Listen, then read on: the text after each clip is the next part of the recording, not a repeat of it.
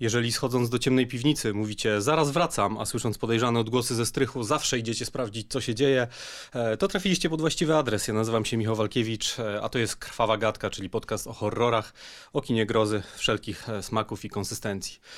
W dzisiejszym odcinku wyjątkowy film, film, o który prosiliście w komentarzach, ale żeby tutaj nie odbierać, nie odbierać tego pomysłu komuś, to nie jest do końca mój pomysł, to jest pomysł człowieka o imieniu Bartosz M. Kowalski reżysera e, filmów e, W lesie dziś nie zaśnie nikt oraz W lesie dziś nie zaśnie nikt 2, który od wczoraj możecie oglądać na e, Netflixie. Dzisiaj.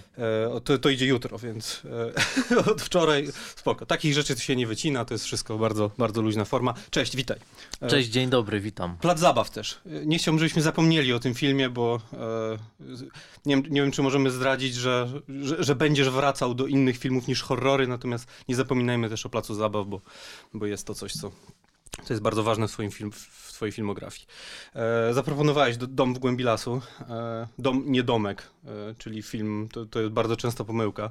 Film Drew Goddarda, 2011 rok, scenariusz Drew Goddard i, i Joss Whedon. Zaproponowałeś go, bo nie, e, nie przeszedł inny film, który zaproponowałeś jako pierwszy, więc tak. może zacznijmy od tego. Tak, zaproponowałem e, Dom w głębi lasu, bo nie pozwoliłeś mi Martwego Zła 2. E, ostatnio był Sam Raimi, tu się tłumaczę, dlatego nie pozwoliłem, natomiast był to, był to jedyny powód. E, więc nie chciałem tego, tego Raimiego maglować e, w każdym odcinku. Natomiast rozumiem, że to była e, next best thing, jeśli chodzi o, o twoje fascynacje jakieś. Znaczy, to też nie jest tak, że to jest mój drugi najbardziej ulubiony film świata, mhm. E, ale faktycznie gdzieś e, w moich osobistych rankingach on stoi e, bardzo, bardzo wysoko i wydaje mi się, że to też jest film, o którym można pogadać i tu jest o czym gadać, no bo można by rzucić tytuł Maniak Kopa, ale tam tych tematów myślę jest odrobinę mniej jednak. Tak, chociaż tamten film właśnie bardziej nadaje na to, żeby go scena po scenie rozkładać i po prostu drzeć łacha ze wszystkiego, co się, Dokładnie. co się dzieje w Maniak Kopie. E, Refny chyba miał w ogóle robić jakiś remake Mania, Maniak Kopa. Nie wiem, co się wydarzyło z tym, z tym projektem, czy to, czy to gdzieś zniknęło. Natomiast... W zeszłym roku ogłaszali, że będzie serial, ale A, tak, co się tak, tak, z tym serial, wydarzyło, to faktycznie, no nie wiem, jest cisza. E, no dobra, dom w, głębi, dom w głębi lasu. Cały czas mówię domek, chyba taka jest, to jest ta nazwa, która weszła do jakiejś takiej powszechnej świadomości. E, chciałem automatycznie powiedzieć, że to jest rzecz, która wyszła na fali jakiejś takiej post, postmoderny w horrorze, natomiast tak nie było, no bo to przypadało gdzieś na połowę lat 90., e, czyli chyba na, i na twoje, i na moje jakieś lata formacyjne, jeśli chodzi o gatunek. E, powiedz, jak ty wspominasz w ogóle tamten okres w kinie, kiedy e, Wes Craven wjechał z kolana, najpierw Nowy Koszmar, potem Krzyk, no i, i te horrory zaczęły być opowiadane troszkę inaczej, ta konwencja zaczęła być burzona, te, te klocki, nie wiem, gdzieś re reflektor został tak jakby na nie, na nie rzucony. Znaczy też wydaje mi się, że oprócz tych dwóch tytułów, o których wspomniałeś, generalnie lata 90. to nie były dobre lata dla horroru. Nie, nie, nie. Tak jak e, dużo się działo w latach 70., w 80 tak lata 90. były swojego rodzaju posłuchą i faktycznie Craven tutaj jako jedyny e, odcisnął jakieś takie solidne e, piętno. Ja oczywiście no, w latach 90. czy w połowie lat 90., mając lat 10, jakoś specjalnie tego nie analizowałem, tylko dopiero zaczynałem te filmy oglądać. No ale to też nie, nie jestem jakimś ogromnym fanem e, tego New Nightmare, te mhm. Koszmary z ulicy Wiązów 7, e, natomiast no, było w nim czuć już takie zakusy do tego, że Craven przygotowuje się do czegoś większego, do czegoś lepszego. Czegoś, co zmieni świat. Do czegoś, co zmieni świat. No i faktycznie ile to było? Dwa lata później tak, dostaliśmy tak, krzyk, tak, czy tak. trzy lata później? Jakoś tak. 9-6 e, i 9-6 krzyk, 94 e, dwa lata nowy, nowy koszmar, dwa lata później. E, no, dzisiaj traktuję trochę ten film jak protokrzyk, nie? Chociaż ja pamiętam, że byłem bardzo rozczarowany jako dzieciak, bo w ramach swojej edukacji filmowej chyba, nie wiem, czy byłem na bieżąco ze wszystkimi koszmarami z ulicy Wiązów, natomiast to było dla mnie coś dziwnego, coś, coś czego też nie do końca rozumiałem, coś, co nie, nie, nie straszyło mnie chyba tak jak powinno. E, no ale faktycznie, to jest chyba taki film, który też zyskał z czasem i z tym, jak się zrobiliśmy troszkę starsi i troszkę mądrzejsi, jeśli chodzi w ogóle o kino, nie? No bo... Dokładnie, bo też y, ten film trochę, znaczy ja ogromnym fanem zawsze byłem pierwszej części Koszmaru i trzeciej, trzeciej. tak. e, Dream Child. Natomiast ta siódemka faktycznie pamiętam, była dziwna. Trzecia, Dream Warriors. To A, Dream, e, Dream Warriors. Z Patricią Arquette w, e, tak, psychi w tak, psychiatryku, tak, tak. No z muzyką Badalamentiego e, zresztą. Też i z, no i z Heather Langenkamp, która łączy te trzy filmy, które, które wymieniłeś. Zresztą no to były, to, to jest chyba ten mm, trzy najbardziej kanoniczne filmy, jeśli chodzi o jakiś też storyline Freddy'ego Krugera. Nie? Oczywiście wszystkie są kanoniczne, natomiast nie wszystkie są kanoniczne w, w książce Cravena, więc e, jakby to się chyba, to się chyba głównie liczyło. Tak, natomiast faktycznie w siódemce y, ona tak y, nie straszyła, pomimo tego, że tam jest też pewnego rodzaju twist, no bo z jednej strony jest ta autoironia, że jesteśmy na planie zdjęciowym i ci wszyscy bohaterowie grają samych siebie, a z drugiej strony jest opętany dzieciak i to trochę idzie w jakimś kierunku e, egzorcysty, demona Mhm. i jest to dziwne i też jak to oglądałem pierwszy raz, pamiętam, oczywiście nie, to nie było w 94, tylko Jasne. wydaje mi się parę lat później, też miałem jakiś taki zgrzyt, że coś tu nie gra. To jest jakiś taki ten dziwny horror. E, Design Frediego był też inny. To pamiętam było dla mnie rozczarowujące, że wymyślili mu zupełnie nowy look, który jakoś mm, nie wiem, no troszkę dla mnie nie grał, ale no tak jak mówię, e, to, to dzisiaj, dzisiaj to jest dla mnie protokrzyk. Zresztą I jakoś, nie no, mam, mam dużo ciepłych, ciepłych uczuć w sercu, jeśli chodzi o ten film. No i krzyk później. Czy ty się bałeś krzyku? W sensie, bo to jest, to jest, wydaje mi się, dość kluczowe pytanie w kontekście e, Domków głębi lasu. Nie, nie bałem się absolutnie krzyku. Na krzyku bawiłem się świetnie i bardzo mnie zaskoczyło zakończenie, to, że zabójców było dwóch. Natomiast e, to nie było nic e, w kontekście strachu e, czy jakiegoś takiego suspensu, siedzenia na on the edge of your seat, Mhm. e, jak miałem w przypadku Szczęk czy Egzorcysty. Nie, to było dla mnie zawsze w kontekście świetnej zabawy i ręce mi się składały do oklasków, już mając te lat, e, nie wiem, 15 czy 16, jak to oglądałem. I, I przenicowywanie jakichś schematów. Wiesz co, ruszyłem to dlatego, że wydaje mi się, że w kontekście też twojego filmu, e, twoich filmów właściwie obydwu, e, pytanie o tą dwutorowość, nie? Czy da się ją utrzymać? Czy da się utrzymać komedię i horror razem i czy da się utrzymać od początku do końca tak, żeby działały? Jest istotne też w kontekście filmu, o którym dzisiaj będziemy gadać, czyli Domu w głębi lasu, nie? Bo wydaje mi się, że Krzyk to, Krzyk to zrobił i, i to była jedna z jego największych, znaczy to była jego największa siła. Oczywiście to ta groza nie ma tam jakiegoś nadnaturalnego charakteru, więc to już sprawia, że automatycznie się człowiek chyba bał troszkę mniej e, krzyku, oglądał go jak thriller. E, Natomiast fakt, że on był w stanie w ogóle przeprowadzić to od A do Z e, e, dwutorowo, nie? I, i, i, tą dekonstrukcję i jednocześnie hołd dla, dla samego gatunku, który w dużej mierze wymyślił, nie? To było jakąś taką dla mnie mm, główną, główną, głównym, głównym, plusem krzyku i, i tym, co dziś tam do dziś przetrwało fajnie. No też w kontekście, przepraszam, że ci wejdę w słowo, tej, tej komedii w krzyku, no to to też jest kwestia postrzegania kina i pewnego rodzaju mentalności. Ja pamiętam, jak oglądałem, e, czy nie jak oglądałem, jak pokazywałem ten film rodzicom, ten film moich rodziców na przykład nie bawił specjalnie. Natomiast mnie bawił mocno, ale to też ta komedia nie jest aż na takim poziomie, jak jest na przykład w, w domu w głębi lasu. No tak, no, no i tu i tu bazuje trochę na, jednak na wiedzy o gatunku, nie? I, I to był taki film e, nerdziarski dość mocno, jeśli chodzi o, e, o samą konwencję i, i tak był gdzieś tam stargetowany, nie? Dla takiego widza, więc z tego pewnie też humor, ten humor krzyku wynikał. Zresztą te wszystkie słynne sceny, nie wiem, e, objaśniania reguł, nie? Które zostały z nami. No dziś, nawet dziś u, moja, moja audycja zaczyna się tym, e, tym, tym, tym tekstem o sadzeniu do piwnicy, to przed krzykiem było dla nas oczywiste, że nie schodzi, się- nie mówi się zaraz wracam, natomiast Craven Tak, wypowiedział right to, tak? Tak jest. rzucił tak, na tak, to tak. światło i od, od tamtej pory zwracamy na to uwagę w różnych, e, w różnych horrorach. No chociaż też pierwszy film, który w ogóle miał zadatki takie, y, takiej autoświadomości, no to był Fright Night, prawda? Tak, tak, tak, tak. I o Fright Night też sobie, e, i o oryginale, i o remake'u też sobie, też sobie myślałem.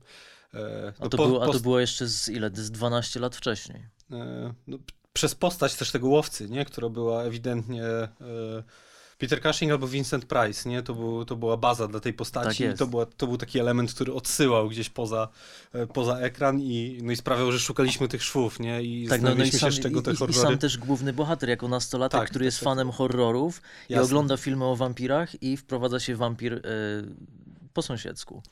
E, Polecamy przy okazji Fright Night nadrobić. E, Ja przyznam szczerze, że dawno nie widziałem oryginału. Widziałem remake e, nie tak dawno, Craiga Gillespiego, zresztą bardzo, bardzo ciekawego reżysera. Od zupełnie innego kina.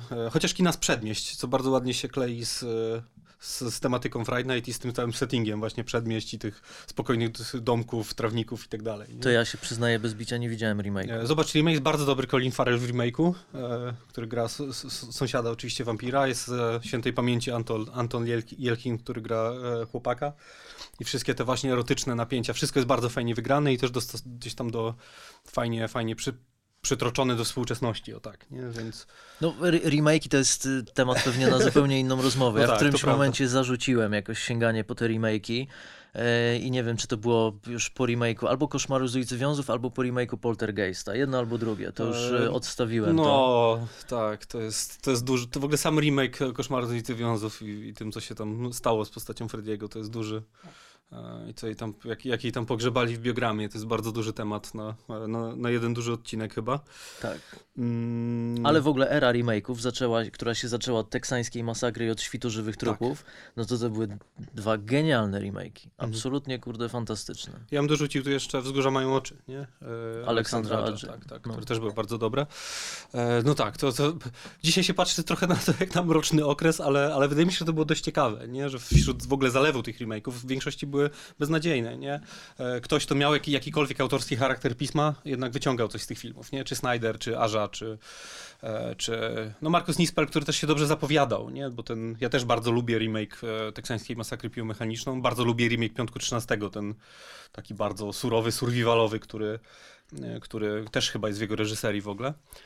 E, dobra, ale to, to, to wszystko są tematy na, e, na inne odcinki. Dzisiaj Dom, e, Dom w głębi lasu, Tak e, jest. 2011 rok, czyli już długo, długo po tej fali postmodernistycznej.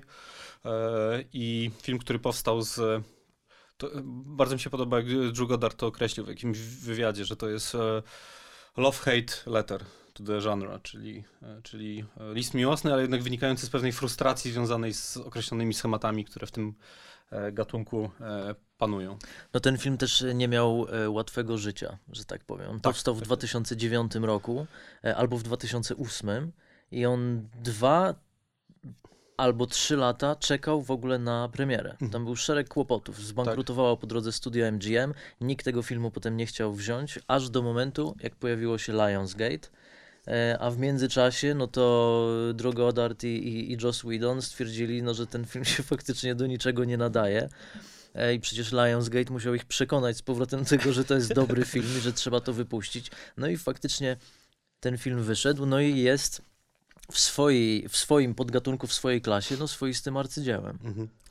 E, Też, te, też tak uważam, ja bym do tych kłopotów dorzucił fakt, że te, te dwa, dwa filmy powstawały w tym samym studiu wówczas.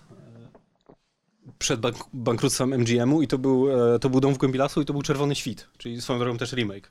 Też z Chrisem. Hemsworthem. Właśnie i w międzyczasie te dwa filmy miały być tym we- wehikułem do sławy y, Chrisa Hemswortha, e, ale w momencie, kiedy się po- pojawiły, na, e, pojawiły, Chris Hemsworth już był po torze E, i tak naprawdę oglądaliśmy go już w produkcjach, które były, e, które były nakręcone wcześniej i które wiele znaczyły w kontekście jego kariery potem, jak, jak pojawił się w MCU i stał się jednym z filarów tak naprawdę tej wielkiej machiny hollywoodzkiej. Ale która... też i właśnie jego ruszyła. pojawienie się w MCU bardzo pomogło e, temu filmowi. Tak, tak, Ke- tak. Mówię tak. tutaj To o jest- Cabin in the Woods. No i to jest, i to jest ten rodzaj sp- sprzężenia zwrotnego, który gdzieś fajnie też pomógł, pomógł temu filmowi.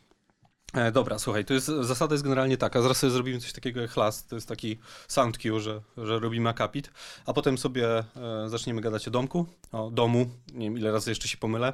Może być domek, bo też cabin, Może być cabin cabin to, jest, to, jest, to jest generalnie domek. Dobrze, e, nie osądzajcie, e, właściwie chciałem powiedzieć nas, ale mnie, bo ty mówisz poprawnie cały czas, nie osądzajcie mnie, będę mówił dom i domek, będę używał tego wymiennie, może po prostu cabin in the woods, e, teraz ciach i zaczynamy.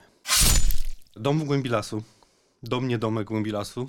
E, rozpoczyna się w, ogóle, to jest. E, nie pamiętam, jaki był. e, Na czym jakby polegała kampania marketingowa przed tym filmem, nie? I czy, czy, czy właściwie to nie jest twist, no, to, jest, to jest punkt, fabularny punkt wyjścia tego filmu, że wiemy, że, że, że coś z tym settingiem będzie nie tak. To znaczy z domkiem, z nastolatkami, z tą horrorową sytuacją.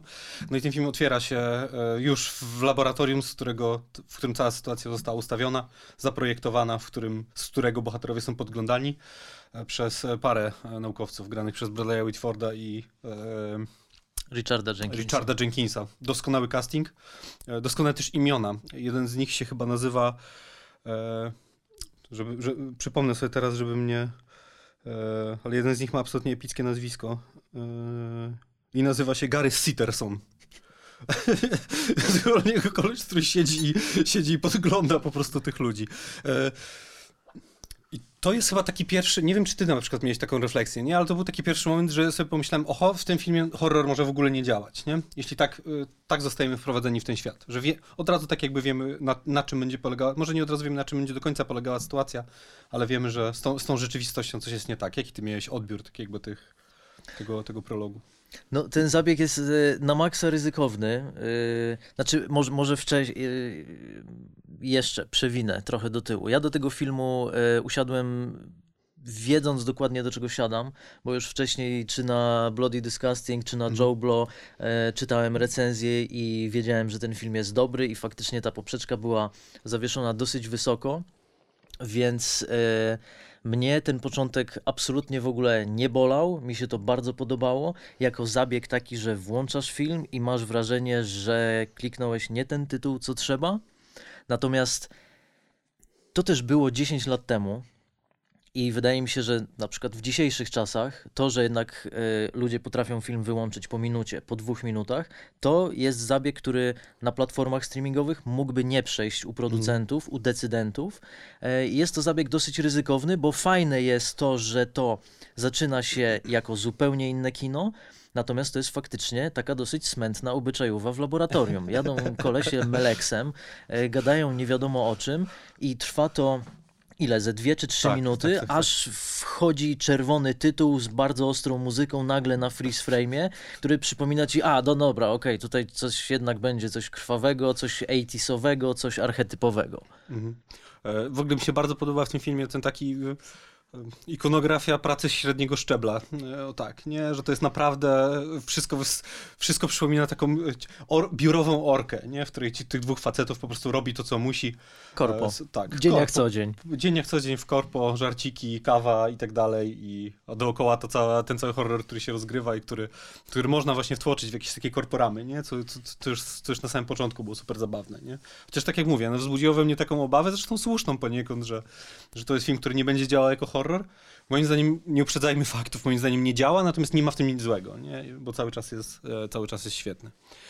E, dobra, potem mamy bardziej klasyczną już ekspozycję, znaczy poznajemy bohaterów. E, mm, chyba zaczyna się od.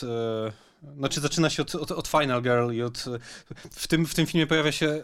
Ja się śmiałem trochę, że slasher, w ogóle slasher, slasherowi bohaterowie to jest radziecki typarz we współczesnych czasach.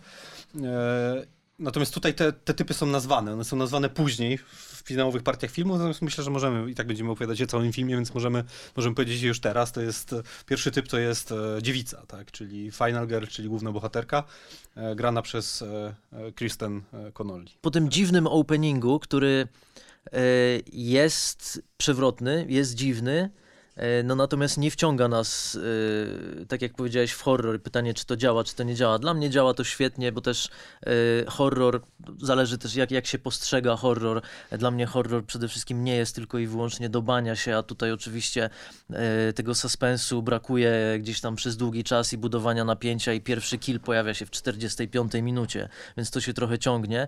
Mi to kompletnie nie przeszkadza, natomiast po tym openingu przenosimy się do akademika i mamy absolutne amerykańskie amerykańskie typy bohaterów. Właśnie tak jak powiedziałeś, jest, jest, jest, jest dziewica, drugi typ jest bodajże nazwany dziwka. Tak, e, dziwka to jest... E, wszystkich aktorów tutaj wyciągnę przy okazji, bo też e, bardzo fajnie, bardzo dobrze zagrany jest w ogóle ten film. Nie? To jest e, Anna Hutchinson, e, gra, gra dziwkę. Oczywiście e, to są to, to, to są starożytne, mitologiczne typy, o których e, ludzkie, o których dowiadujemy się w finale, natomiast e, nie, te postaci nie są tak definiowane od samego początku. E, no jest głupiec, czyli Nazwa, pewnie Pothead też. Czyli, na, czyli, na, na, nasz Stoner oczywiście. Czyli Stoner, tak, tak którego e, Frank Kranz tutaj, jako Marty Mikalski, to jest e, głupiec. A, a dwa ostatnie typy są trochę nie miałeś wrażenia, że są przemieszane, bo Chris Hemsworth, który jest tak. typowym atletą, on jest z książką na początku. E, on jest w ogóle magistrem, e, czy, czy czy magistrem, czy ma zamiar, ma zamiar robić doktorat z socjologii. W każdym razie jest, pojawia się tam jakiś taki rys naukowo-intelektualny w jego postaci, co już jest jakimś takim faktycznie fajnym. Dokładnie, a z kolei z piłką futbolową pojawia się ten ostatni chłopak, a oni potem, mam wrażenie, zamieniają się trochę rolami. Tak. Nie wiem, czy to było celowe, czy niecelowe. Mędrzec, czyli e, Mędrzec. Jesse Williams e, jako mędrzec. E, czyli jako ten, e, w klasycznym slasherze, jako ten intelektualista, który jest tak jakby pierwszym, znaczy tym, tym chłopakiem, który jest najbliżej Final Girl, tak jakby żyje, żyje najdłużej, albo do samego końca, albo ginie tuż, e, tuż przed końcem, no i faktycznie wszystkie te przy, przymioty intelektualisty są po prostu po jego stronie. Nie? Tak, i mamy bardzo krótką ekspozycję, bardzo y, grubą krechą przerysowane sznyty charakterologiczne, to widać już w kostiumach. E, we fryzurach, w charakteryzacji i w krótkich, rodzajowych scenkach dialogowych. No i wszyscy się pakują oczywiście na weekend, żeby wyjechać do domku w lesie. Tak, do domku w lesie. E, oczywiście po drodze są postoje. E, na jednym z no to jest, nie pamiętam dokładnie, czy to jest jeden stacja benzynowa, jest. tak, jest, jest jeden postój. stacja benzynowa oczywiście. Jak wiadomo w Slasherze postój znaczy. Tak jest. Bo na, na postoju musi się pojawić zwiastun Harbinger of Doom, czyli e, tutaj jest to Mordecai, e, Team Dezan, zresztą fantastyczna twarz, bardzo łatwa, też kojarząca się z kinem grozy. E, no i też taki archetyp, który się ciągnie od czasu no chyba od czasu piątku 13 tak naprawdę, od czasu szalonego Ralfa, który, który był pierwszym tym zwiastunem, czyli tym dziwnym dziadem, który po prostu wyłania się ze stacji benzynowej albo z jakiejś szopy, żeby ostrzec. E, albo żeby ostrzec, albo jednak, żeby trochę skierować e, bohaterów w stronę tej, a w zasadzie trochę jedno i drugie. Trochę jedno i drugie, nie? No tak, tak, tak, tak. Następny przystanek to jest e, fin finowy przystanek, czyli domek. Dom, domek, dom. E, I tu chyba się wróćmy na chwilę do Martwego Zła 2, które chciałeś, chciałeś, żeby tu było, bo czuję, że jednym z powodów e, musiał być setting, który był ważny w twoim filmie, był ważny w Martwym Złu 2, jest super ważny w e, domu. Tak, no dom w lesie to jest dosyć popularny setting, natomiast ten drewniany domek w domu w głębi lasu, on jest żywcem jeden do jeden przeniesiony z Martwego Zła 2. To jest mhm. identyczny ganek, identyczne ułożenie okien, to jest, to jest totalna referencja. E, no a jeszcze wracając, no to tym, czym nasza grupa młodzieży przyjeżdża, czyli ten duży kamper, no to to jest chyba też z kolei referencja do Wzgórza Mają Oczy, czy nie? Tak, tak, tak, tak. No i w ogóle, e, nie, nie wiem czy jest huśtawka przed naganku, nie, nie pamiętam, w domu w głębi lasu. E, to jest taki kadr, który w ogóle, z... on mi się, znaczy zapamiętałem go przez jedynkę, ale wiem, że w dwójce też jest, e, też się, mamy ten, do, dokładnie to samo miejsce, więc zresztą dwójka jest troszkę takim miękkim rebootem pierwszej części, remake'iem właściwie pierwszej części za, za, za, większe pieniądze. Natomiast... I z większym przymrużeniem oka. Z większym przymrużeniem oka, jasne. Nie? To jest też jakiś taki... E, Pierwsza rzecz, którą myślimy o Evil Dead, że jest komedią horrorem, natomiast pierwsza część nie jest. Dokładnie. I remake pierwszej części, który, który jest dość, dość wierny fabularnie, też nie jest, więc, więc druga część to jest to królestwo właśnie czarnego humoru.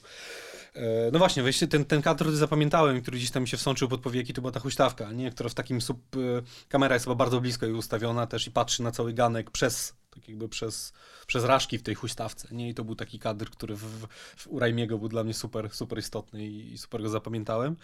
E, Zewnętrzne jest bardzo klasyczne, e, wewnętrz, w, natomiast w środku dzieją się już dziwne rzeczy, nie? Bo mamy Mamy, to, tam jest chyba, nie, nie, to jest lustro weneckie. E, tak, tak. środek w ogóle jest też nieprzystająco y, większy od tak. zewnętrza, tak. ale to też jest pewnego rodzaju scenograficzny klasyk. E, ale tak, w środku jest lustro weneckie, y, które w sumie po co ono jest? Ono zostaje wykorzystane chyba do tego, żeby pokazać, że, yy, że. Do relacji. Że mędrzec jest w porządku, żeby tak jakby ugruntować bardziej typy jeszcze. Zresztą tam każdy rekwizyt chyba w tej przestrzeni służy po to, żeby ugruntować typy. Jest ta. Jest to, chciałem powiedzieć, to nie jest poroże, to jest głowa wilka, tak, wypchana, z którą całuje się, e, z którą całuje się dziwka, tak. E, co też tak jakby no jest, jest jakąś opowieścią o jej, o jej archetypie, jest, jest to lustro, o którym, o którym mówi e, Final Girl, e, mędrzec, tak jakby ostrzegając ją, że, że coś takiego jest i że on jest jakby w porządku gościem i nie będzie jej, nie będzie jej podglądał. E, i... Tak, tylko to jest... Y pełna zgoda, ale to też, y, teraz głośno myślę, absolutnie to nie chodzi o to, żeby się czepiać, ale on też mógłby móc ją podglądać w łazience i z tego zrezygnować. I message do widza byłby dokładnie taki sam, że on jest w porządku gościem, on jednak tego nie zrobi, a to lustro weneckie, no to to jest jednak bardzo duży e, jakiś statement scenograficzny, który też jakby no nijak się ma do tego, że jednak cały ten domek jest w kamerach, w mikrofonach i oni są obserwowani, bo to lustro weneckie faktycznie oprócz tego jednego elementu, że e, nasza e, dziewica się przebiera, a on zdejmuje obraz i ją przez chwilę podgląda, no potem już nie jest nigdy wykorzystane, Mhm. prawda? No tak, tak, tak. No ale to w... Właśnie, znaczy nigdy nie myślałem o tym w ten sposób, nie? że to jest jakaś taka rzecz, która jest, że to jest tłumacz, e, no ale może jest, nie? Chociaż ten film stoi trochę takimi, takimi dużymi, du, może nie symbolami, no to nie ale, ale takimi duży, dużymi rzecza, rzeczami pokrywanymi gdzieś w, w scenografii, które... Ja może też y, będę szukał czegoś, żeby się czepnąć, bo ja nie mam się czego czepnąć w tym filmie. Uważam, że film jest Ale to, to genialny, nic, więc, więc, słuchaj, to więc będę sobie wyszukiwać Nie może nie jakieś takie na siłę. elementy.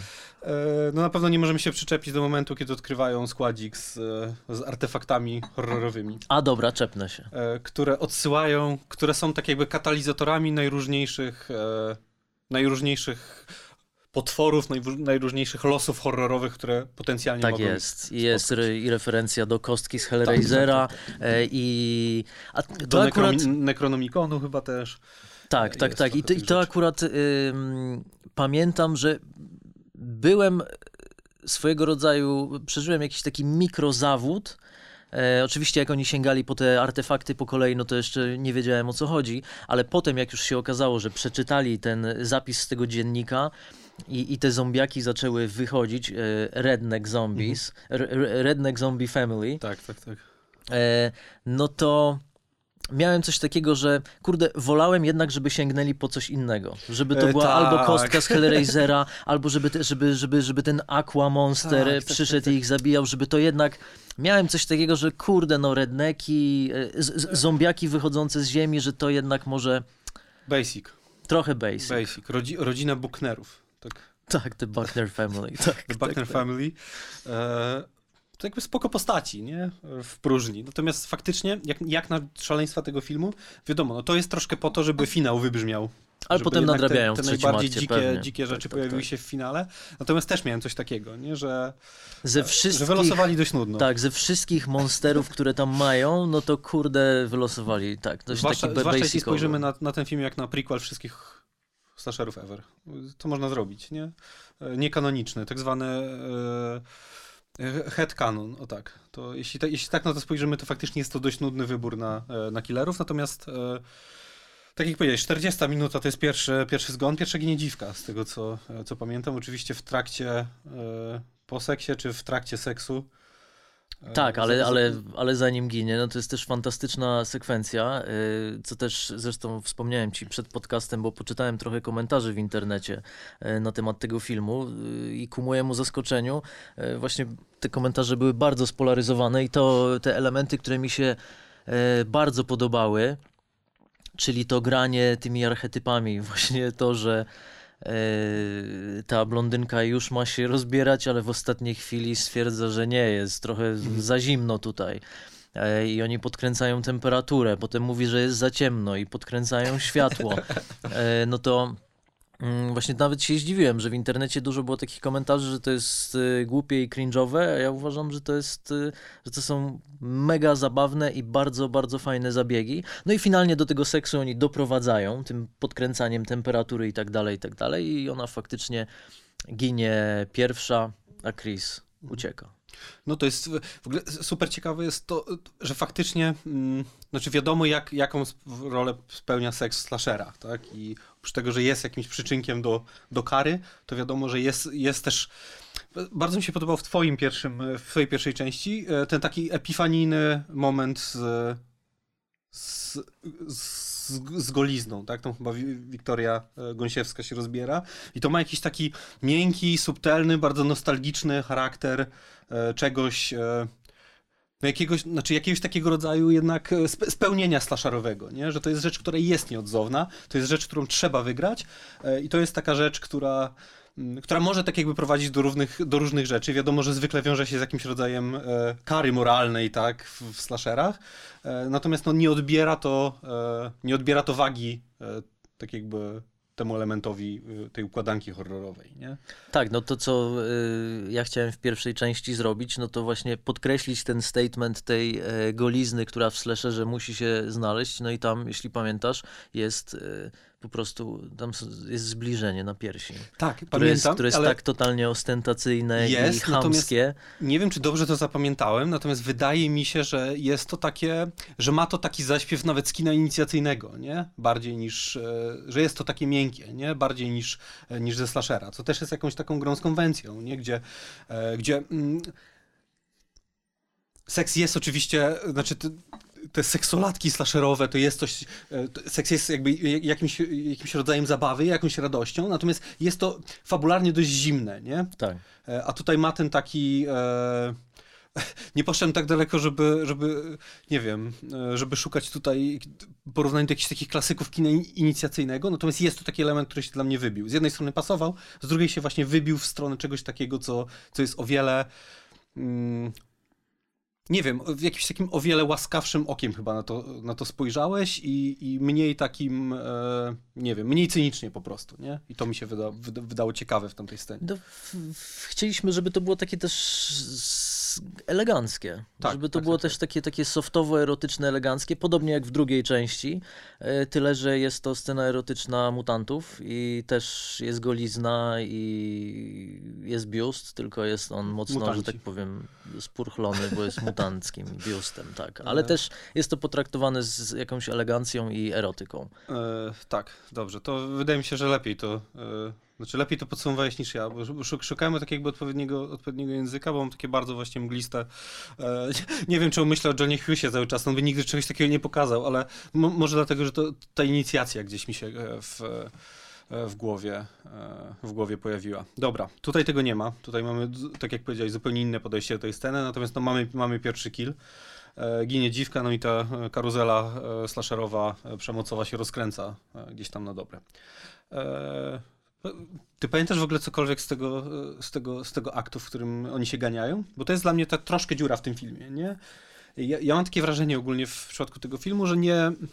Że taki element, na który zawsze czekam w, w slasherze, czyli jakaś celebracja jednak tych e, morderstw, e, Tam jak, jak się pierwszy kill odpala, to ten film bardzo przyspiesza. mhm. I potem faktycznie tej, e, tej przemocy jest dużo więcej. E, To, co pamiętam, jest jeden fantastyczny moment, bo Chris Hemsworth zaraz wraca do tego domku, e, mówi, co się wydarzyło. Oczywiście nikt mu nie, wie, nie wierzy, ale parę sekund później już pojawia się jeden z, z rednekowskich zombiaków.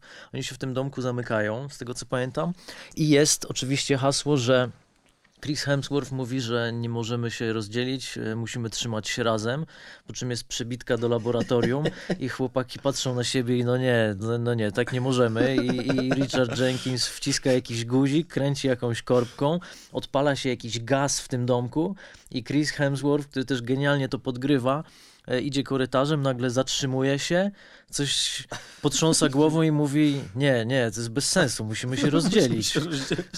Tak, bo oni tam, są, oni tam są tragowani jeszcze cały czas, bo przecież też są rozpylone feromony w powietrzu, żeby, Tak. żeby zachęcić jednak ich do tego seksu, żeby ta atmosfera była odpowiednia. Dokładnie. I też jest powiedziane, że blondynka, która przefarbowała włosy, jakimś dziwnym cudem ci ludzie z laboratorium do tej farby do włosów podrzucili jej też jakąś chemię, która ją ogłupia. No jest to wszystko bardzo umowne, ale okej, działa w 100% dla mnie. I cały czas mamy przebitki też, znaczy to nie są przebitki, cały czas mamy dwu, dwutorowo też mamy narrację z laboratorium, gdzieś, gdzie poznajemy takie dalsze fakty, gdzie się okazuje, że stawką jest, e, że chodzi o jakiś e, rytuał, którego stawką są losy całego świata i e, zostały już tylko dwie, dwie ekipy na placu boju, tak, które, które muszą zostać zabite przez tych różnych, przez te różne Japonia i USA. Japonia i Stany Zjednoczone. W Japonii jesteśmy chyba dwa razy. Raz jesteśmy w klasie, kiedy, kiedy te japońskie dzieciaki uciekają przed jakimś takim duchem, który wygląda oczywiście jak, Jak z Ring. jak Sadako Tak. z, z ringu. No i potem, potem mamy zamknięcie tego wątku, kiedy, kiedy te dzieci odprawiają jakiś rytuał i, I zamieniły ducha w żabę i Tak. Richard Jenkins podchodzi do telewizora i krzyczy do dzieci fuck you, fuck you, fuck you, fuck you, fuck you. E, tak, więc Japonia sobie Genialne. poradziła i staje się oczywiste, że, że już od, od Amerykanów zależą losy, losy świata i od tego, czy, od tego, czy umrą w odpowiedniej kolejności też, nie? No bo to, to też jest ważny wątek w tym filmie, że dziewica musi zostać, przeżyć do końca. E, nie pamiętam jaka jest dalsza kolejność, ale wiem, że wszyscy, że, że, że wszyscy wcześniej muszą umrzeć. E, umiera Chris Hemsworth w jeden z moich ulubionych chyba scen. E, mamy zasygnalizowane, że to się pod jakąś kopułą gromu po prostu e, rozgrywa wcześniej, bo chyba jest jakieś takie panoramujące ujęcie na, na krajobraz i widzimy jak ptak Tak. lecący na początku uderza. Uderza w niewidzialną ścianę. Uderza w tak. niewidzialną ścianę, no i potem e, Chris Hemsworth, który ma ten czadowy, Płomienne czadowy, przemówienie. i czadowy, tak, ma to, ma, ma to przemówienie i postanawia przeskoczyć przez Wąwóz. przez wąwóz na, I uderza w na ścianę. motorze i uderza, uderza w ścianę. Bardzo mi się podoba, jak się osuwa, zjeżdża z tej ściany po prostu na sam dół tego, e, tego wąwozu. Też tym bardziej, że jeszcze wracając do tego, że byliśmy już wtedy po premierze Tora i wszystkim wydawało Tak, się, tak, że tak, jednak, że to jest gwiazda tego filmu i że on jednak pociągnie trochę dłużej. Tak. A on ginie do, w dosyć nie, nieoczekiwanym momencie, faktycznie po takim hollywoodzko-płomiennym przemówieniu, co trzeba zrobić. Startuje na motocyklu i ginie dosyć szybko. Tak, no to też jest, to jest chyba w ogóle jedna z moich takich ulubionych klisz, nie? Zawsze, zawsze wiem, jak to się rozegra, typu Samuel. Jackson też w Deep Blue Sea i tak dalej. To, A tak, e, tak, błys- tak, tak, błyskawiczne tak. zgony po płomiennej przemowie, nie? To jest coś takiego, co... A zawsze działa. Proste, ale zawsze działa, Tak. nie? E, I potem, potem jest kolejny chyba szoker. to- Kto wie, czy nie największy tak naprawdę w tym filmie, czyli e, umiera intelektu, znaczy mę- mędrzec, tak, takie chyba jest polskie tłumaczenie, chociaż, chociaż e, głowy nie dam, w dość bezceremonialny sposób. Znaczy on zostaje prze, przebity. Chyba Wcześniej jad- jeszcze, jeszcze Stoner umiera. Tak, pozornie. Pozornie oczywiście, Pozornie, tak, bo bo, jest, jest- wyciągnięty Mamy z... w ogóle, właśnie o tym mówię, w, o tym akcie, nie? że tam jest e, jakieś takie dziwne nagromadzenie twistów na, na milimetr taśmy filmowej, nie? że Tak, no, no śmierć Stonera to to jest klasyk, do którego można się przywalić, bo zostaje przez e, potwora wciągnie, wyciągnięty poza kadr, sika krew, nie ma faceta. To jest jedyny kill, którego nie zobaczyliśmy. E, no a potem się okazuje oczywiście, że nasz Stoner przeżył.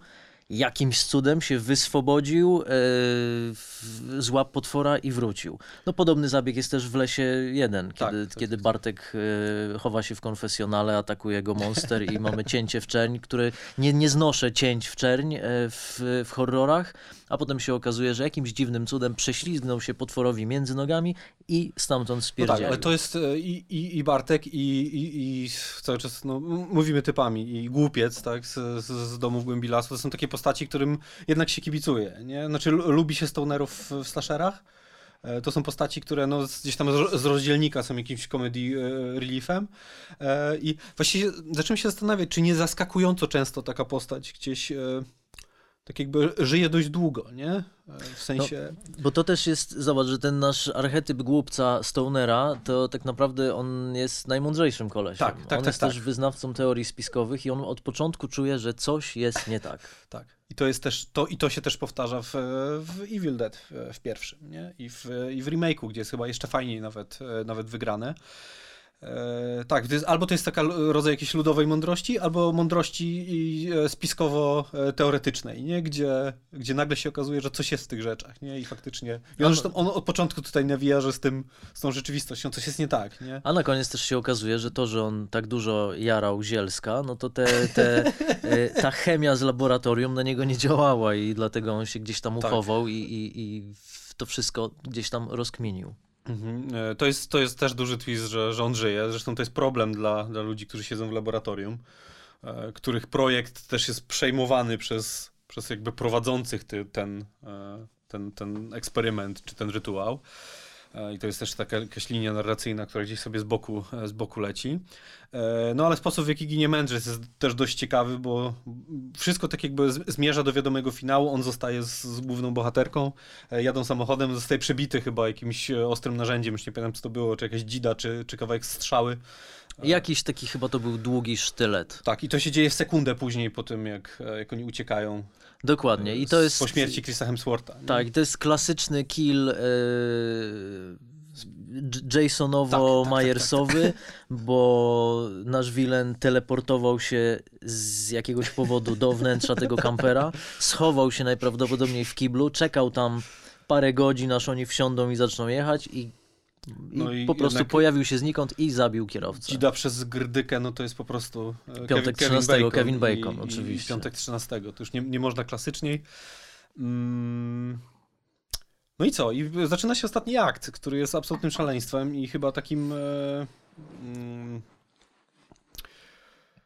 no nie wiem, ciężko mi sobie powiedzieć tam przypomnieć uczucie, uczucie spełnienia, które miałem po tym ostatnim akcie, ale miałem, nie? No bo to jest e, ch chyba największy jakiś taki fabularny, fabularny strzał w tym filmie, kiedy bohaterka z, ze stonerem, który nagle się okazuje problemem, no bo nie miał przeżyć do końca i nagle się okazuje problemem dla tych ludzi, którzy prowadzą ten, e, ten eksperyment.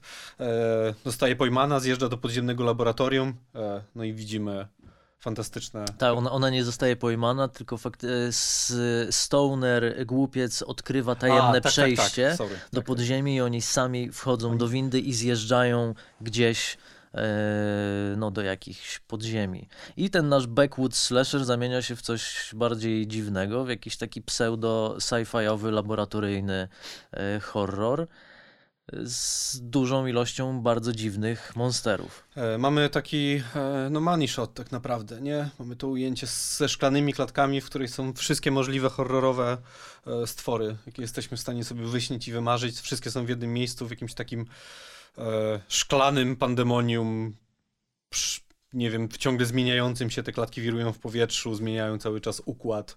Jest jakiś taki rodzaj, rodzaj więzienia dla tych wszystkich potworów. Tak, i to był moment, w którym stwierdziłem, że kurde, no szkoda, że, wylosowa- że wylosowali e, zombiaków w piwnicy, jak, jak bo to, co w tych boksach było, już abstrahując od tego, ile tam jest referencji filmowych, ale od, od bliźniaków e, z, z lśnienia przez, przez drzewo, z Evil Dead. Jest jest, jest, jest Pinhead, który tam nawet jest ograny potem troszeczkę, troszeczkę bliżej. Jakiś wielki wąż zmutowany, jakiś e, mechaniczny skorpion, tam się cudawianki no się tam dzieją. Syrenek, czyli ten e, mer...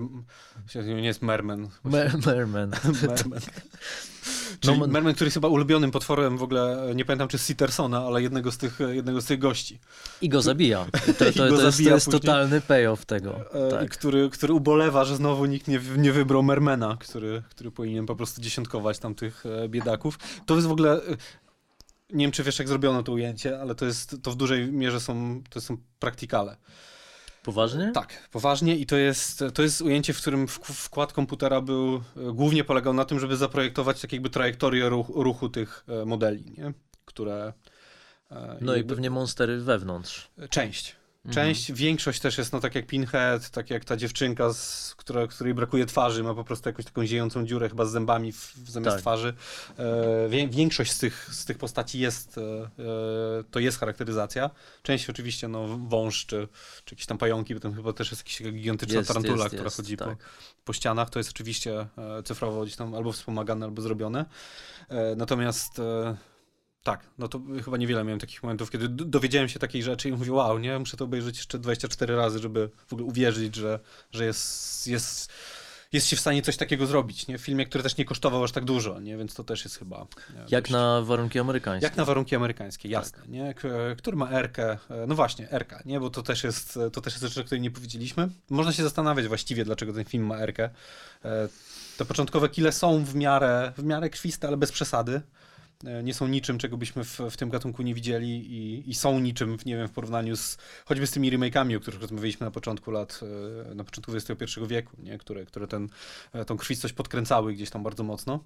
Natomiast w momencie, jak te potwory zostają uwolnione z klatek i zaczyna się wielka rzeź tego, tego korporacyjnego środowiska, no to, to ta erka staje się zrozumiała, bo dzieją się tam absolutnie piękne rzeczy. Nie wiem, czy ty też tak masz, ale jak widzisz, yy, że wchodzi nowy horror, który jest od lat 13, to jakoś masz tak, że a, no dobra, to nie wiem, czy mi się chce to oglądać. A jak widzę horror, który ma erkę, to to od razu uśmiecham się sam do siebie. Trochę tak. Pewnie zszokowałaby nas lista horrorów PG-13, które są świetne, nie? Y, natomiast, no jasne, nie? No to jest i wzbudza jakąś początkową nieufność, o tak, nie? E, I z drugiej strony jest bardzo dużo filmów ostatnio, nie? Myślę, że od Mad Maxa to się zaczęło tak naprawdę, które mają erkę, gdzie nie do końca możesz zrozumieć, na czym ta erka polega, nie? Eee, czy Matrix miał erkę. Dziś ogląda Matrixa. Matrix miał erkę? Tak, Matrix miał erkę. Ponoć kopniaki w głowę to było coś takiego, co jest wow. dość e, abstrahując od, nie pamiętam ile tam się klnie w Matrixie, czy nie klnie. Natomiast no, Nie przypominam te, te standardy y, się zmieniają dość mocno. E, No ale Mad Max myślę, że jest dobrym przykładem filmu, który miał erkę. Nie do końca to czuć, e, nie do końca to widać. No jasne, główny tam Immortan Joe, śmierć, jego śmierć jest, jest erkowa, ale, ale myślę, że, że nie ma tych scen wiele więcej. Natomiast no, w przypadku horrorów, no jeśli, jeśli, jeśli widzę, że coś ma R, to chcę, żeby to R było dowiezione i w tym filmie jest, chociaż dość późno, nie? Tak jak mówię, dopiero w finale faktycznie te, te stwory zaczynają No wcześniej robić. też mamy goliznę i, i, i te Jasne, kile tak, to tak, też tak. są pewnie wystarczające w, w, sta- w Stanach, żeby tak, dostać tak, tak, faktycznie tak. taki rating. Mm, No w każdym razie to też mam pytanie do ciebie, bo oni zjeżdżają do tego laboratorium i wszystko staje się jasne, że jest swojego rodzaju rytuał, żeby zaspokoić przedwiecznych, Lovecraftowych przedwiecznych. tak, tak, tak. I dlaczego ten rytuał musi wyglądać tak, a nie inaczej? Że zabijają nastolatków po kolei, w takiej kolejności i dziewica musi zostać na koniec. Jak ci się wydaje? Hmm. Bo to jest też coś, co w tym filmie po prostu przyjmujesz, że okej, tak jest, ten rytuał tak wygląda, przedwieczni Lovecraftowi yy, no tak sobie to zażyczyli, chyba, albo ludzie to tak wymyślili, nie mam pojęcia, ale ten, ten horror jest bardzo slasherowo-archetypowy i on zaspokaja przedwiecznych, którzy yy, no którzy no nie wiem, czy są zaznajomieni ze slasherowym... e, Jeśli pytasz o to, czy kleją się dla mnie te dwie rzeczywistości, w sensie quasi Lovecraftowska z, ze slasherową, pewnie się nie kleją, nigdy o tym nie myślałem w ogóle w ten sposób, E, ale też mówiąc zupełnie szczerze, nie zastanawiałem się nad tym, E, chyba, że masz jakąś teorię na przykład, bo No bo nie pytanie, wiem, czy czy to się nie kryje za jest... twoim spojrzeniem, czy masz, te, masz grubą teorię na temat tego, cze, czemu akurat muszą wykorzystać konwencję Nie, nie, nie, nie, żeby bo to... poczuć się usatysfakcjonowani, czy... No pytanie, czy to nie jest po prostu metafora, czy przedwiecznie nie, nie personifikują widzów? Mm. O, to jest dobre, tak, to jest, to jest bardzo dobre, znaczy to jest Bo potem też przecież pojawia To jest się... po prostu gatunek jako rytuał, kino gatunków jako rytuał, nie? Dokładnie. I Czyli- to też y, zgadzałoby się z tym, co robią Japończycy, w, a oni przecież ze swoim kinem y, gatunkowym, no to to były przede wszystkim zjawo, duchy. Y, No ale potem taką kropką nad i jest to, że pojawia się postać, y, która nie wiem jak w tłumaczeniu polskim była y, nazwana, ale Sigourney Weaver tutaj, ona jest the director, Tak, tak, tak. tak. która no, pewnie w tłumaczeniu polskim była dyrektorem tej placówki, ale tak naprawdę no to to jest reżyser. Zresztą miał to Bruce Campbell grać. E... Sigourney Weaver też jest dziwnym wyborem, nie? Bo to znowu jest z trzeciego świata, który nie do końca przystaje. Tak, no Bruce Znaczy Campbell... bardziej przysta- jest ze świata, który bardzo, bardzo przystaje do Lovecrafta, natomiast jest ze świata, który bardzo nie przystaje do slasherów, nie? Absolutnie, totalnie. E, natomiast e, wydaje mi się, że na mocy tego, że e, nie wiem, na mocy trochę tych szklanych klatek, nie? że te rzeczywistości też fajnie obok, sie, obok siebie mogą funkcjonować i, i faktycznie jest coś w, w tym mówisz, nie? że jako metafora naszego odbioru i kina gatunku jako rytuału, jako pewnej powtarzalności, jako pewnego e, oczekiwania konkretnych elementów, które muszą zostać spełnione, żeby, żeby został zaspokojony na, nasz głód. Tak, żeby nakarmić widza, żeby to tak, złożyć tego widzowi w to ofierze. jasne, nie? tak. No to, to faktycznie tak działa. E, Pytanie, czy to nie jest oczywiście sięganie zbyt głęboko nie, myślę, że nie. filmu, myślę, że to ale... po prostu e, to jest taka rzecz, która gdzieś tam przenika ten film, nie? I e, tak, myślę, że tak. Myślę, że to, I myślę, że w kontekście tego też jest super ciekawe, że, że tu też zostaje to przełamane przez bohaterów, nie? Którzy postanawiają e, no jakby dopuścić do tego, żeby, Świat się skończył. żeby rytuał się nie, nie, nie powiódł i żeby świat się skończył. I postanawiają wypalić. Po tym tam chyba wilkołak zabija Sigourney Weaver. E, Nie, to przez wilkołaka zostaje ugryziona chyba e, Final Girl czy coś tak, takiego. tak, tak, tak, tak. W każdym razie A, już nie ma dla nich wyjścia, no i postanawiają, że a dziewczynka bez ręki siekierą zabija e, Sigourney Weaver. tak, e, postanawiają, że chyba lepszym rozwiązaniem będzie wypalenie wspólne Blanta niż, Tak, i tam jest zresztą e, też... niż uratowanie świata. Tak, i tam jest zresztą też świe- świetny, świetny dialog na koniec, bo ten nasz stoner przeprasza Final Girl, że przepraszam, że przez, przeze mnie ugryzł cię wilkołak i skończy się świat. I dzie, dzielą się jointem i faktycznie ten świat się kończy. E, No co oczywiście dla, dla mnie jest to bardzo fajne i zabawne, nie dla wszystkich. Ja też jeszcze nawiązując do tej me- metafory, że Sigourney Weaver jest reżyserem, przedwieczni są, są, są, są widzami, ja jestem generalnie przeciwnikiem przeintelektualizowywania e, takich filmów, które są jednak dosyć rozrywkowe, ale, no ale jeśli szukać e, jakiejś odpowiedzi na to, dlaczego ci Lovecraftowi przedwieczni mieliby się kleić ze slasherowym rytuałem, no to może to jest jakiś kierunek. Eee, I łapa na koniec. I łapa Wielka, gigantyczna łapa, która przedwiecznego, pradawnego, która niszczy domek i prawdopodobnie zabiera się za niszczenie świata. Tak. E, to był domek w głębi, dom w głębi lasu. Jesus fucking Christ. Dom w głębi lasu, to był dom w głębi lasu. Będę dzisiaj to z lustra powtarzał pięć razy, jak w Candymanie. E, słuchaj, e, jako że już straciliśmy na samym początku, że nagrywamy to wszystko e, w środę, emisja jest w czwartek, e, to mogę, też zdradzić, że dopiero dzisiaj, e, wiesz, rozpalę świecę i zrobię klimat i zapuszczę sobie sequel twojego filmu. E, czyli w lesie dziś nie zaśnie nikt 2. Mm, Ale mimo wszystko chciałem cię troszkę podpytać o, o ten film na koniec, bo e, sz- szkoda by też było z tego nie skorzystać i, i z twojej wiedzy slasherowej, z twojej filozofii tak naprawdę robienia sequela, bo w przypadku slasherów zwykle to było dość ciekawe i wiele, wier, wiele slasherów ś- drugich części sequeli czy trzecich się nie udało z powodu e, lenistwa, e, ale z tego co wiem miałeś e, dość odważną i e, ryzykowną koncepcję na ten, na ten film. E, Koncepcja tak, jest bardzo ryzykowna. W- Znaczy, no też pierwsza część też była ryzykowna. E, Nie, nie pod względem. Pierwsza kom- była ryzykowna, bo no, po prostu, no też nie. po, Na pod, polskim gruncie nie widzieliśmy. Dokładnie, Tego, pod, pod względem samego, samego eksperymentu, jako ten konkretny podgatunek e, w Polsce. E, I tak jak e, rozmawialiśmy przed premierą jedynki, tutaj, no to też założenie było takie, żeby to jednak był film archetypowy i nie chcieliśmy tego koła gdzieś tam na nowo wymyślać. No tak przy sequelu faktycznie ta koncepcja jest y, dużo bardziej, że tak powiem, niegrzeczna. Ona nie wszystkim przypadnie do gustu, bo jest to pewnego rodzaju y, odpięcie wrotów mniej więcej w połowie filmu, czy, czy, czy raczej w trzecim akcie. I y, no, ja jestem bardzo zadowolony z tego twistu, bo to jest też coś, co no, idzie w totalną grotechę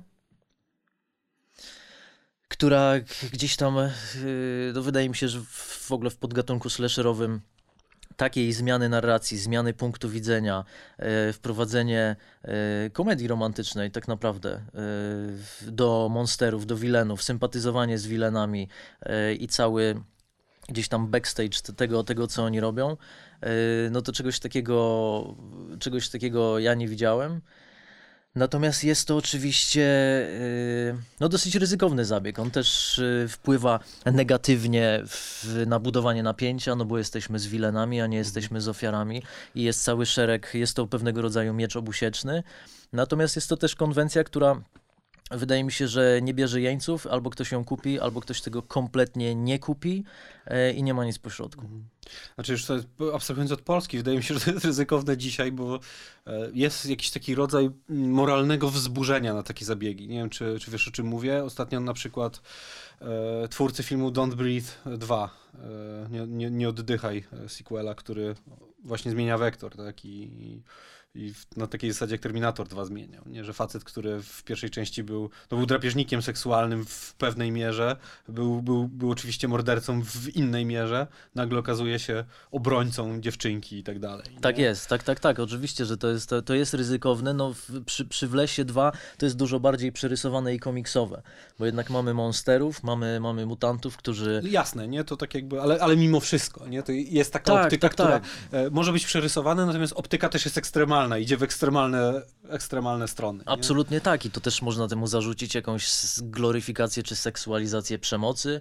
E, Natomiast e, no jest to, e, wydaje mi się też, szczególnie druga połowa tego filmu, to jest, to jest, to jest też opowieść, która bardzo mylne sygnały daje widzowi i myślę, że w, znajdą się osoby, które nie będą wiedziały, jak to w ogóle odebrać, bo z jednej strony są dosyć e, mocne sceny przemocy, a y, nasze potwory operują językiem z podstawówki i generalnie fochują się na siebie i jest to, no tak jak mówię, ja to nazywam gdzieś tam swoistą komedią romantyczną, no tylko trochę do góry nogami.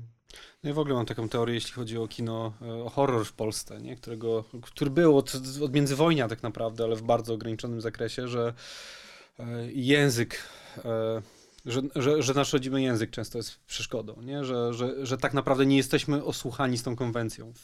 I to było też dla mnie największym nie wiem czy największą frajdą swojego pierwszego filmu, ale fakt, że mm, że, że, że też właśnie w, w, w, naszym języku potrafili zbudować tę rzeczywistość, nie? I która, która nie, nie wydaje się sztuczna, nie wydaje się obca, nie? Gdzie, to, to gdzie, jest, gdzie te rzeczy mogą się, mogą się zazębiać i gdzie jesteśmy na to w stanie po prostu spojrzeć jak na coś, co... To jest, tak, tak, to jest, to jest totalnie ryzykowne, bo tego nie znamy. E, I czy, czy jakieś klasyczne horrorowe teksty wymawiane w języku polskim to jest bardzo Właśnie, niebezpieczne. Nie? Natomiast tutaj przy, przy dwójce, no to największym y, jakimś y, dla nas wyzwaniem było to, w jaki sposób powinny się te potwory ze sobą e, porozumiewać. I dlatego też mamy wymyślony język mutancki, i dlatego też jest VHS-owy lektor, który ich tłumaczy. Bo próbując robić jakieś testy, porozumiewania się takim monsterowym językiem w języku polskim, no to, to, to, to naprawdę to wydaje mi się, że to nie jest jeszcze ten moment. Już mogą potwory mówić po hiszpańsku, zawsze mogły mówić po angielsku, ale po polsku bym się jeszcze nie odważył. E, dobrze, słuchaj. Mm, zachęcamy, ja zachęcam, tobie nie wypada. E, obejrzyjcie, Flesie dziś nie zaśnieg 2, już możecie oglądać. E, zachęcamy też wspólnie do domu w głębi lasu. Mm, bo no tak jak mówiliśmy, no jest to jakiś taki e, film, który e, wciąż chyba, jak się spojrzy na fora i na komentarze, to nie ma, nie ma wystarczającej ilości miłości, którą powinien, powinien od was dostać. E, no polecamy też wszystkie filmy, o których dzisiaj rozmawialiśmy. I Martwe Zło 2, czyli pierwotny film, z którym chciałeś tutaj przyjść, ale ci nie pozwoliłem. I oczywiście Krzyk, i Nowy Koszmar. I, I Maniak Kop. I Maniak Koop, e, co tylko chcecie. O czym tylko usłyszeliście dzisiaj w programie, wszystko wam polecamy. E, dziękuję ci bardzo za wizytę w moim podcaście. Bartoszem Kowalski był moim gościem. To była Krwawa Gadka. Ja nazywam się Michał Walkiewicz i słyszymy się za dwa albo za trzy tygodnie. Dzięki pięknie.